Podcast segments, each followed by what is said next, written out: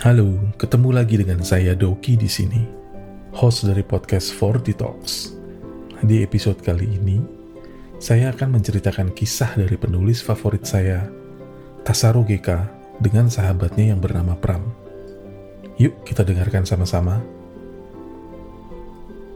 Ada sebuah tempat di lemari pakaian kami yang aku gunakan untuk menyimpan benda-benda pemberian barang-barang yang sudah tidak terpakai karena berbagai alasan. Aku tidak pernah tega untuk memberikannya kepada seseorang. Beberapa helai kaos, kemeja, shawl, dan barang lain, kenang-kenangan dari para sahabat atau kerabat. Salah satu barang itu telah aku simpan 16 tahun lamanya. Aku benar-benar tidak punya rencana apa-apa mengenainya selembar celana loreng dengan jahitan pada bagian dengkul. Pram, sahabat masa kecilku yang mengirim celana tentara itu dari medan pertempuran di Aceh beberapa bulan sebelum tsunami 2004. Ini barang paling berharga bagiku, katanya ketika itu melalui pesan pendek telepon genggam. Celana itu sobek ketika rekanku tertembak mati oleh Gam, persis di sebelahku. Aku mau kamu menyimpannya. Kira-kira Pram mengatakan itu. Sejak kecil di desa dulu, tampaknya kami tahu suatu ketika kami akan meninggalkan desa dan tidak akan pernah benar-benar kembali. Aku pergi ke barat, sedangkan takdir menuntun Pram ke timur. Ketika aku hendak menikah pada tahun 2004, sewaktu sebuah pikiran acak mendorongku untuk mengirimkan surat undangan kepadanya. Persisnya sekedar memberitahu kawan masa kecil bahwa aku hendak mengarungi dunia yang baru. Aku mengirim undangan itu ke desa, meski aku hampir yakin dia sudah tidak ada di sana. Lalu, beberapa waktu setelah pernikahanku, sebuah pesan dari nomor tak dikenal berdering di telepon genggamku pesan dari Pram. Dia memberiku beberapa kejutan. Setelah berpisah bertahun-tahun, rupanya dia menjalani dunia yang sepenuhnya berbeda. Empat atau lima tahun sebelum pesan itu datang, aku pamitan kepada Pram bahwa aku akan pergi ke Bogor untuk bekerja sebagai wartawan. Aku tidak bertanya apa yang Pram lakukan waktu itu dia masih tinggal di rumah orang tuanya, dan kami sedikit bicara perihal pekerjaan atau hal-hal semacam itu. Bahkan, sejujurnya, aku juga tidak terlalu ingat apa yang kami perbincangkan pada siang gersang pertengahan tahun 2000 itu. Aku berpamitan dengan cara yang kikuk. Aku mau pergi ke Bogor, jadi wartawan. Mungkin aku tidak akan pernah pulang. Aku meninggalkan desa kami di pesisir Gunung Kidul. Aku tidak terlalu yakin alasannya mengapa selama empat atau lima tahun setelahnya tidak sekalipun kami bertukar kabar. Aku memahami itu dengan sederhana. Mungkin kami memang telah kehilangan konteks sebagaimana seharusnya sahabat saling mewarnai. Sebab dunia kami beranjak menjauh kami tidak bisa lagi membicarakan hal-hal yang bagi kami berdua sama-sama menarik dan berguna. Sudah bukan waktunya juga kami mengulang cerita masa kecil dulu.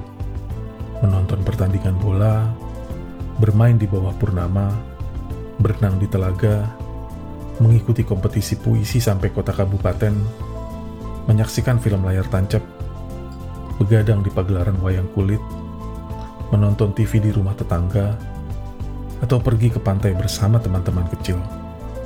Kami terlanjur menjadi anak muda yang lain lagi kegelisahannya. Aku menyimpan Pram dalam kenangan terbaik. Tetapi, aku tahu, tidak akan pernah ada lagi petualangan baru. Aku meninggalkan seluruh Jogja pada usia menjelang 20 tahun. Menjadi wartawan di Bogor lalu pindah ke Bandung tiga tahun kemudian. Ketika memutuskan untuk menikah sebelum genap 24 tahun, aku ingat Pram. Menikah adalah waktu yang akan selalu menjadi saat istimewa bagi siapa saja. Saat untuk membagi kabar gembira itu kepada orang-orang terdekat. Aku mengirimi Pram undangan, tapi tidak benar-benar menginginkan dia untuk datang.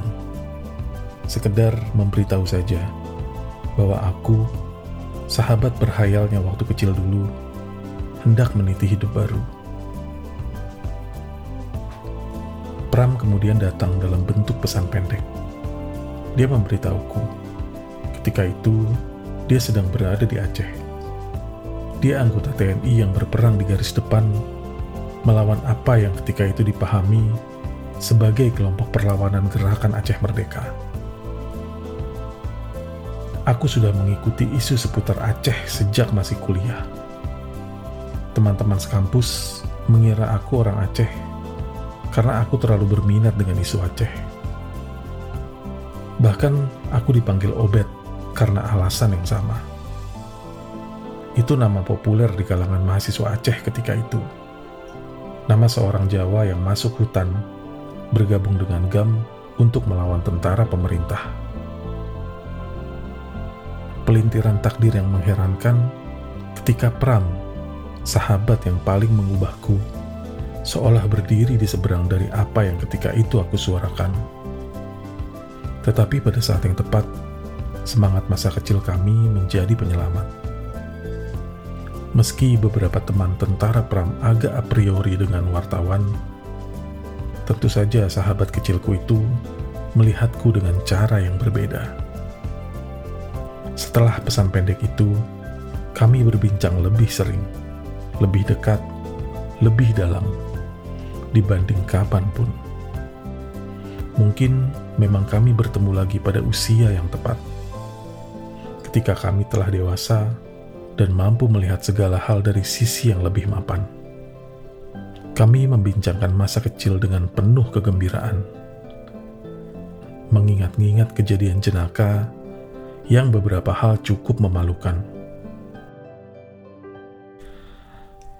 Aku biasa menelponnya pada akhir pekan sebelum aku pulang ke Cirebon menengok keluarga kecilku. Pram banyak bercerita tentang hari-harinya di hutan, memburu gam. Sesekali dia berbagi kisah kasihnya dengan gadis setempat. Sesuatu yang dia nikmati, meski dia tahu tidak akan pernah berujung sesuai harapan. Cerita-cerita semacam itu berkelidan dengan obrolan politik, memori, atau apa pun. Pram mengirimkan celana sobek di lutut, juga berlembar-lembar catatan selama dia bertugas di sana. Dia bercerita alasan mengapa celana itu sobek. Itu terjadi ketika dia dan rekan tentaranya terjebak dalam aksi baku tembak dengan gam di kawasan persawahan di pinggir hutan. Rekannya itu gugur. Dia ingin aku menyimpan celana lorengnya itu. Hanya saja, mungkin dia tidak akan berpikir aku benar-benar menyimpannya sampai hari ini.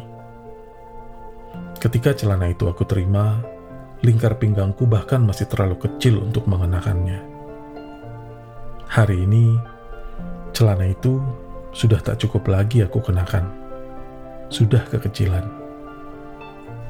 Aku ingat, ketika itu, aku balas mengiriminya Al-Quran dan jaket kulit imitasi yang sangat aku sukai. Aku ingin dia memakainya.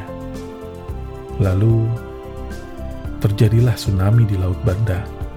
Sewaktu ratusan ribu manusia menemui akhir hidupnya seketika. Aku ingat betul kepanikan yang aku alami. Aku mencoba menggunakan jejaring kewartawanan untuk menemukan Bram. Sejauh itu, tidak ada hasil, tidak ada kabar. Seorang tentara penjaga pusat informasi di Biren Aceh kemudian menasehatiku. Ikhlaskan saja, dek. Markas marinir sudah tersapu. Mungkin saudara Ade tidak selamat. Aku tidak malu untuk mengakui. Aku menangis waktu itu. Merasa tidak berguna, bahkan sekedar untuk menemukan kabar yang jelas tentang Pram. Tetapi aku tidak menyerah. Aku menghubungi teman-teman di Aceh, meminta tolong agar mereka pun mencari tahu kabar tentara marinir di pesisir. Semua orang yang aku tanyai jawabannya sama. Tidak ada harapan. Aku ingat bagaimana kacaunya aku pada setidaknya dua hari itu. Tetapi, entah bagaimana, aku merasa Pram masih ada. Dia masih hidup, hanya entah di mana. Dia selamat dengan sebuah cara yang luar biasa. Mungkin dua hari setelah hilang kontak sama sekali, sebuah nomor asing menelponku Lalu suara tak jelas memanggil namaku. Suara Pram.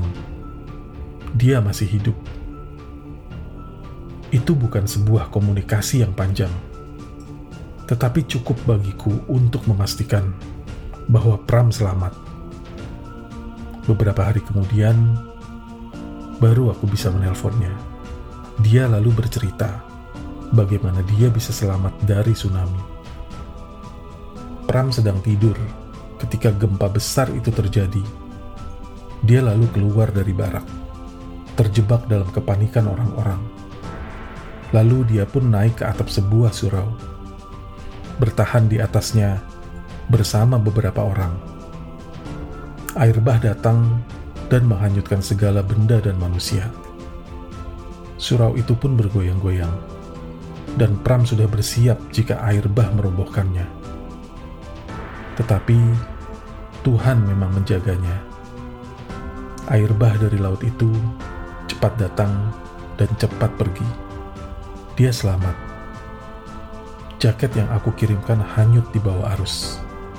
Sedangkan Al-Quran itu tak pernah lepas darinya. Setengah tahun setelahnya, sekitar pertengahan tahun 2005, Pram pulang ke desa, menemui orang tuanya dari Bandung, aku berkunjung. Kami berkumpul dalam keharuan yang tebal. Sekitar dua hari aku tinggal di rumahnya, di desa kami dulu. Kami tidak pernah sedekat itu sebelum-sebelumnya. Banyak cerita mengalir, saling tukar kisah, ada tawa, dan ada diam. Kami mengunjungi pantai tempat bermain waktu kecil menyantap ikan bakar, dan mengunjungi teman-teman SD dulu. Kami menemukan keakraban masa kecil dulu dalam bentuk yang berbeda. Waktu cepat berganti tentu saja. Dan konteks itu perlahan memudar. Pram menikah tahun 2006. Dia mengirimiku undangan namun tidak benar-benar berharap aku datang ke Surabaya. Tiga tahun kemudian, kami sama-sama menjadi orang tua pada bulan yang sama. Aku kira sejak itu kami mulai kehilangan konteks persahabatan kami sebagaimana semua orang mengalaminya. Sebab ketika menjadi orang tua, semuanya tidak lagi perihal aku dan dia prioritas hidup bergerak. Petualangan telah selesai. Kini, waktunya menjadi orang tua, mempersiapkan masa depan anak-anaknya. Kami tidak lagi sering bertukar kabar, kecuali sesekali, dan itu terasa sebagai sebuah basa-basi. Tidak banyak hal yang menarik untuk dibahas. Itu kian terasa ketika usia mendekati 40 tahun. Tentu saja kesadaran, pemahaman membuatku percaya bahwa beginilah hidup. Semua orang akan mengalaminya. Sewaktu menua, segalanya menjadi aneh. Jiwa kita masih sama, tetapi dunia menginginkan kita untuk beradaptasi aku tidak bisa pungkiri bahwa ada bagian dalam pikiran yang masih percaya pada persahabatan. Bahwa dia tidak lekang oleh waktu, tak tergerus oleh perubahan-perubahan, hanya menunggu waktu bagi sebuah pertemuan yang bermakna. Tahun 2017 adalah terakhir kali aku bertemu dengan Pram. Pada sebuah hari yang penuh hujan, di pusat pelatihan pasukan Garuda Bogor. Pram sedang menjalani mimpinya. Dia terpilih menjadi anggota pasukan keamanan PBB dan akan berangkat ke Libanon. Aku lalu menemuinya dua kali. Hanya perbincangan beberapa menit saja. Tetapi itu cukup mengobati kekosongan perbincangan kami selama bertahun-tahun. Mungkin ada gunanya juga kevakuman itu kami jadi punya banyak bahan untuk bicara. Tiga tahun terakhir ini, perbincangan kami kembali sepi. Pada usia yang telah menembus empat dasa warsa, aku pikir tak akan ada banyak hal mengejutkan lagi yang akan terjadi. Petualangan-petualangan masa muda adalah kenangan. Pram mungkin akan selalu menjadi sahabat terhebat yang pernah aku ingat. Dia membangunku, membantuku menemukan titik terlemah diriku. Dia mampu membaca pikiranku. Namun, konteks persahabatan itu sudah selesai. Mungkin masih akan ada sapaan sesekali, tetapi menua itu memang aneh. Hal pada masa lalu lebih menarik dibanding apa yang akan terjadi pada masa nanti. Sedangkan masa lalu telah selesai. Mengulang-ulang kisahnya mungkin akan menjemukan. Aku hanya berharap anak-anakku kelak akan menemukan macam-macam persahabatan hebat pada masa muda mereka. Sesuatu yang akan semakin indah diingat sewaktu kita menua Aku masih tidak tahu apa yang akan aku lakukan pada celana loreng sobek di dengkul itu. Mungkin aku akan kembali berolahraga agar lingkar pinggangku mengecil dan celana itu bisa kukenakan lagi. Aku sudah menyimpannya selama 16 tahun. Aku kira tidak akan terlalu sulit untuk menyimpannya 16 tahun lagi. Sampai jumpa di episode selanjutnya.